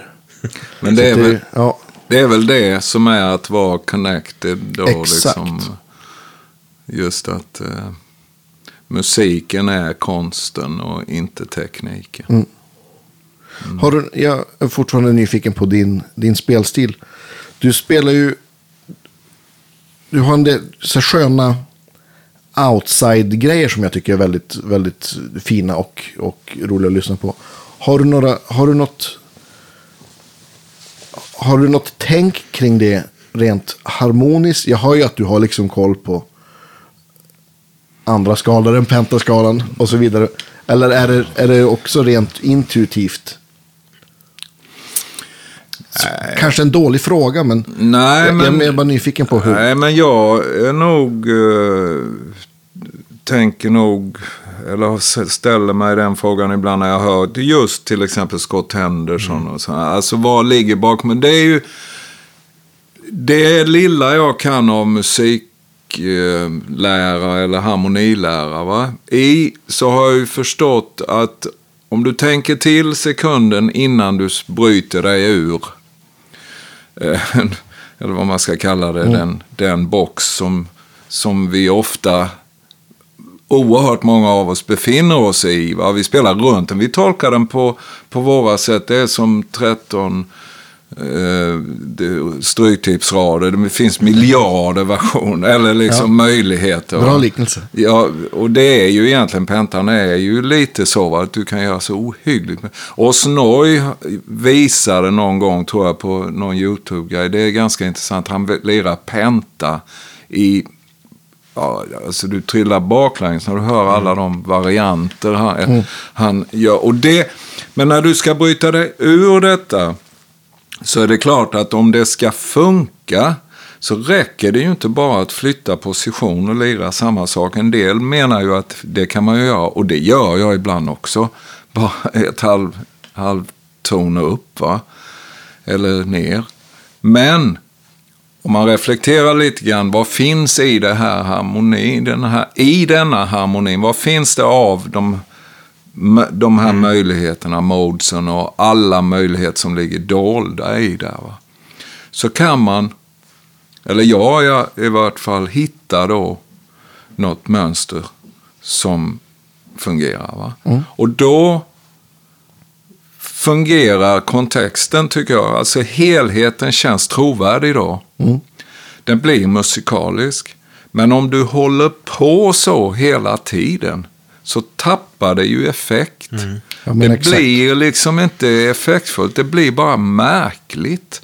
Trots att det, du kan hänvisa det till att det här är minusälver och det, är, det finns inbyggt i den eh, och den harmonin som ligger dold här. Va?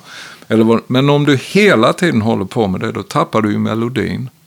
Eller ja, Absolut. du tappar liksom kontexten. Va? Lång utläggning på Nej, något som jag egentligen inte vet så mycket om. Om du jämför med en sån som Max till exempel. Eller eh, alla de här riktiga, ja Scott Henderson, icke minst, eller Schofield. Ja, och de, här, visst. de kan ju det här som ett rinnande vatten. Va? De har det i sitt i ryggraden. Det, så är det inte för mig. Verkligen inte. Va? Men jag har börjat haja lite grann av det. Och det gör att det blir roligare. Ja, lira. precis, Det är ju som du säger Andreas, det, och det som du också, det, det blir en utflykt på riktigt.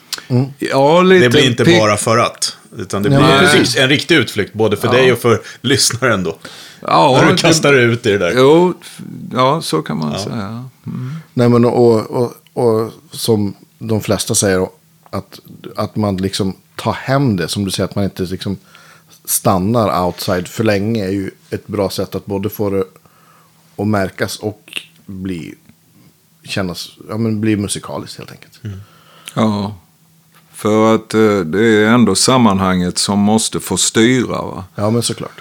Eh, och befinner du dig i en blues så, så liksom även om jag tycker att man ska pusha gränserna. Det gjorde man i den tidiga bluesen, vilket många av och många idag kanske inte förstår av bluespoliser och så vidare. Att det, det var en väldigt experimentell musik. Eh, och är fortfarande som jag, och jag tycker det är genren man ska hålla sig inom. Inte det tonala nödvändigtvis. Va? För genren är ändå, den, den, den skapar begränsningarna. Men ditt tonala uttryck får inte begränsas av genren. Du måste bara hålla dig inom det.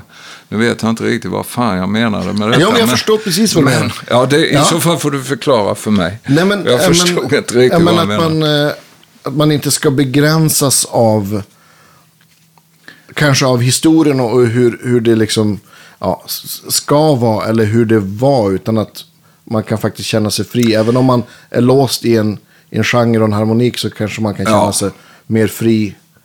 Jag menar att den där durtärsen som Beck la in, som jag nämnde tidigare, va? den är ju tabu i vissa blueskretsar än idag. Att det där gör du inte. Och nior och durtärser och minusfemmor hör inte hemma i en blues. Va? Det menar jag att de visst kan göra. Därför att genren blues, så länge du behåller den, så länge du behåller shuffen, så länge du behåller kon- liksom själva stilarten, va? harmonierna och så vidare. Va? Så inom det så kan du utveckla det musikaliskt. Ja. Eh, och det, jag tror dessutom det är väldigt viktigt eh, att man gör det. Va? Jag stagnerar ju annars. Ja, annars blir det ju museiverksamhet. Och det liksom, kan man väl hålla på med. Men det är ju en annan... Men det finns ju många. Jag ser just på Stampen, jag ser ibland på YouTube på den här Blues Lovers, eller vad den heter, den här kanalen som vad hon nu heter, Åsa. Åsa. Ja, lägger ut det. Jävlar vad de lirar. Och jag har ändå de här referenserna från Austin. Jag kan ju säga att många av de akterna, lokala akter, och icke minst de här fi- finska snubbarna som dyker Ja, upp visst. ibland. Där, va? Du vet, de, är, de håller hur lätt som helst för vem som helst i Austin. Va? Ja, ja. Så att det, det eh, jag menar bara att, eh, och det är ju många av dem som sticker ut och bryter Mm. eh, den här eh, tonala blues, det tonala bluesidiomet. Va? Det finns ju fantastiska gitarrister varenda kväll där nere. Ja, ja, visst. Så att när jag säger bluespoliser så menar jag mer att ibland så har jag fått höra va, att det är inte blues du lirar om jag har gjort, utan du lirar något annat. Va? Eh, Alltså i negativa termer då, Ja. som kritik. Och då menar jag, what the fuck pratar du om? Va? Ja. Det, här, det är min blues. Jag lirar blues-genren i, i mångt och mycket, inte alla låtar. Men, men jag lirar kanske inte det tonala. Det är exakt som de gamla. Och det här kan man ju då gå och lyssna på på fredag helt enkelt. Exakt. Vi, vi har inte pratat någonting om, om, eh, om eh, Burman. Du nämnde det lite. Det, det måste, vi, måste du berätta om lite tycker jag. Innan vi gick in Ja. skägget höll jag på att säga. Name dropping. Uh, höll jag på att säga. Så är det ju inte med Burman. Han var... ehm, jag fick ju hans jobb av honom. Mm. 1983 var det väl? 82, 83. Och vi kände inte varandra. Det var egentligen en väldigt speciell eh, grej och jag vet inte riktigt varför han... Än idag, han gick ju bort för några, några år sedan. Eh, men eh, telefonen ringde en kväll 80, på hösten 82 tror jag. Och jag visste ju mycket väl naturligtvis vem han var. Mm. Det hade jag vetat sedan jag var pojk. Och så undrade han om jag, vad jag gjorde och så. Om jag var intresserad av att träffas och prata. Nu var. Sen fick jag... Han frågade om jag var intresserad av att ha hans jobb. Jag förstod nästan inte vad han pratade om. Men han var ju eh, mycket seriös, alltså musikälskare. Va? Eh, och jag... Jag ska försöka att inte gå bort mig i den här historien. För att den är fortfarande rätt så luddig för mig. Jag har inte riktigt än idag begripit varför. Var, why me? Eh, För jag var inget etablerat namn. Jag hade gjort lite grejer. Jag hade ju gjort de här albumen i och för sig. Ja. Och hade väl kanske någon, åtnjöt kanske någon liten, liten respekt någonstans eh, i, i musikvärlden eh, i Stockholm. Framförallt. Eh, Men han ställde frågan rakt ut. Jag fick då möjlighet att producera. Jag tror det var ett gesällprov. Det har jag aldrig fått svar på. Va? Men han sa, jag vill att... Vill du producera Gösta Lindholms nya album? sa han. Bara rätt ut. Ja. Eh, ja, ja, det kan jag. Ja, absolut. Så, det kan jag. Ja, och han satte upp oss tillsammans då. Gösta, vi pratade, Gösta lirade några av de där låtarna. Och jag sa att ja, men jag, jag har idéer kring det här. Jag fick ju en massa idéer. Så vi gjorde det där albumet och Anders var inte involverad alls i det. Va? Och det blev ett jäkligt bra album. Jag kommer inte ens ihåg vad det heter. Eh, men det blev ett jättebra album. Kjell Öhman och en mängd folk var med och lirade på det här. Och alla fick spräcka upp som fan. Det var hela min grej. Att li nu lirar vi. Och Gösta älskade det. Va? Han kom ju från Rulla in en boll. Precis. Och hade sålt 6,5 miljard album. Va? till detta, till helt plötsligt kommer jag in och ska tycka, nej, vi gör det här istället. Ja. Så att albumet blev kanonbra, sålde ju ingenting. Eller väldigt lite. Men Anders Burman gillade det. Han sa, det här är bra, sa han. Ja. Du får mitt jobb. Underbart. Eh, ungefär så var det. Och sen så gjorde jag, kom jag in på den banan och jobbade mycket, producerade mycket grejer. Inget som blev... Det största jag gjorde var Brenda Russell, Piano in the Dark. Eh, och sen Sussis Orkester. Jag gjorde de tidiga produktionerna, jag vet inte om ni känner till dem. Men det var ändå ett försök att göra. Jag gjorde också en kille som heter Björnsson. Jävla bra. Heter Konka på ett tåg, det albumet. Okej. Där fick jag det sagt. Det gjordes 84. Det gjorde vi rätt upp och ner. Jag kommer ihåg, jag var i, producerade något finskt band i Helsingfors. Och Anders Burman, som ju inte var kvar längre, han hade fått en kopia på det här Björnsson-albumet, Konka på ett tåg. Och han ringde då på kvällen på hotellet. Alltså sa han, jävla bra album du har gjort, sa han. Och han, jag har haft tur med mentorer va. Anders Burman var ju, du kunde ju inte ha en bättre mentor. Och han sa nästan aldrig som jag. Han valde mig och sen så stöttade han. Jag var relativt ofta hemma hos honom. Och vi tog en whisky och satt och pratade om musik bara. va. Ehm, och det var även på min tid på Sveriges Television så hade jag en fantastisk mentor som hette Kurt- Edman. Som också var en sån här förankrad person i sin bransch. Va? Alltså med hjärtat förankrad. Va? Kunde allting. Så sånt hjälper ju om man ska lära sig något. Va? Ja, såklart. Minst sagt. Hör ni alla lyssnare, nu har ni tappat tråden för länge sedan. absolut Mina inte. långa utlägg. Nej. Ja, hur som helst. Så det var den resan. Jag stannade tre år. Och sen upptäckte jag att jag...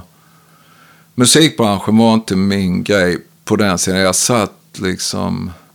Jag, vill- jag var i musikbranschen för musiken, inte Ja, för någonting annat. Inte för businessen. Liksom. Nej, och jag kom närmare och närmare den där businessen.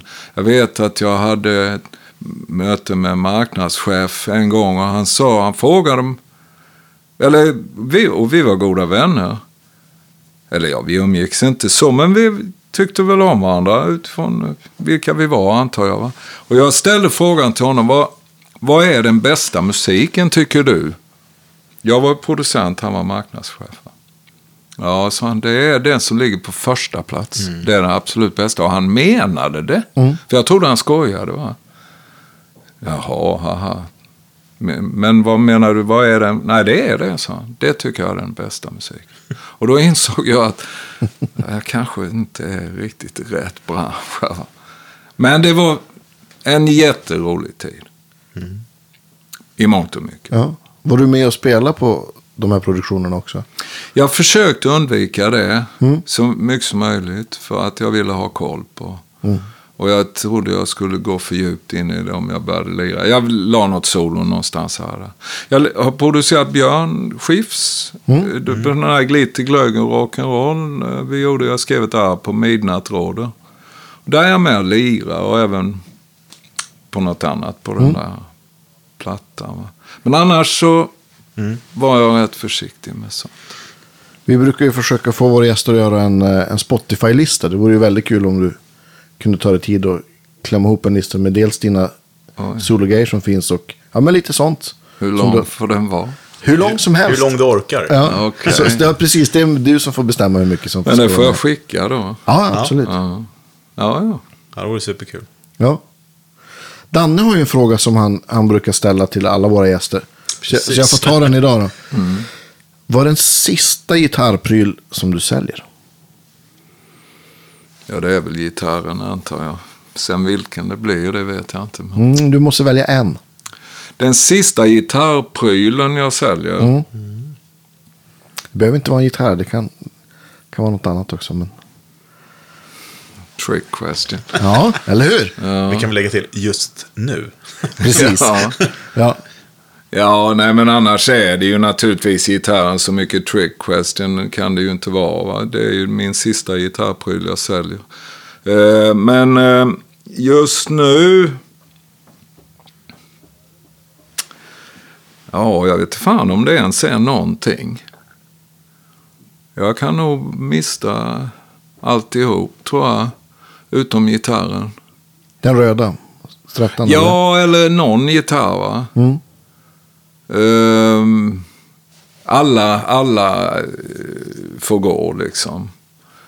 Någon gång, tror jag. Jag har ju tyvärr bevisat det, att, att det är konceptet. Ehm, jag tror inte att det är någonting eh, som jag absolut inte kan tänka mig att vara utan. Låter befriande. Ja, väldigt. Skönt. Men jag vill ju inte det. det är en annan sak. Nej, det förstår jag. Stort tack för att du ville vara, vara gäst i Guitar Geeks podcast. Tack så mycket för att jag Och- fick vara med. Ja, Tack så mycket. Stor ära. Vi hörs igen nästa vecka hörni. Ha det bra. Hej då. Hej då.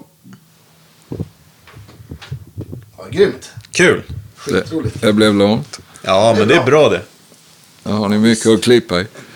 Nej, det blir inget. Men vi var inte inne på, jag känner ju Gibbons och de Nej, är men det rätt måste så du väl. eh, Erik Känner och... du- blir del två. Ja, det blir en del två. Ja. Vi får ta det nästa platta.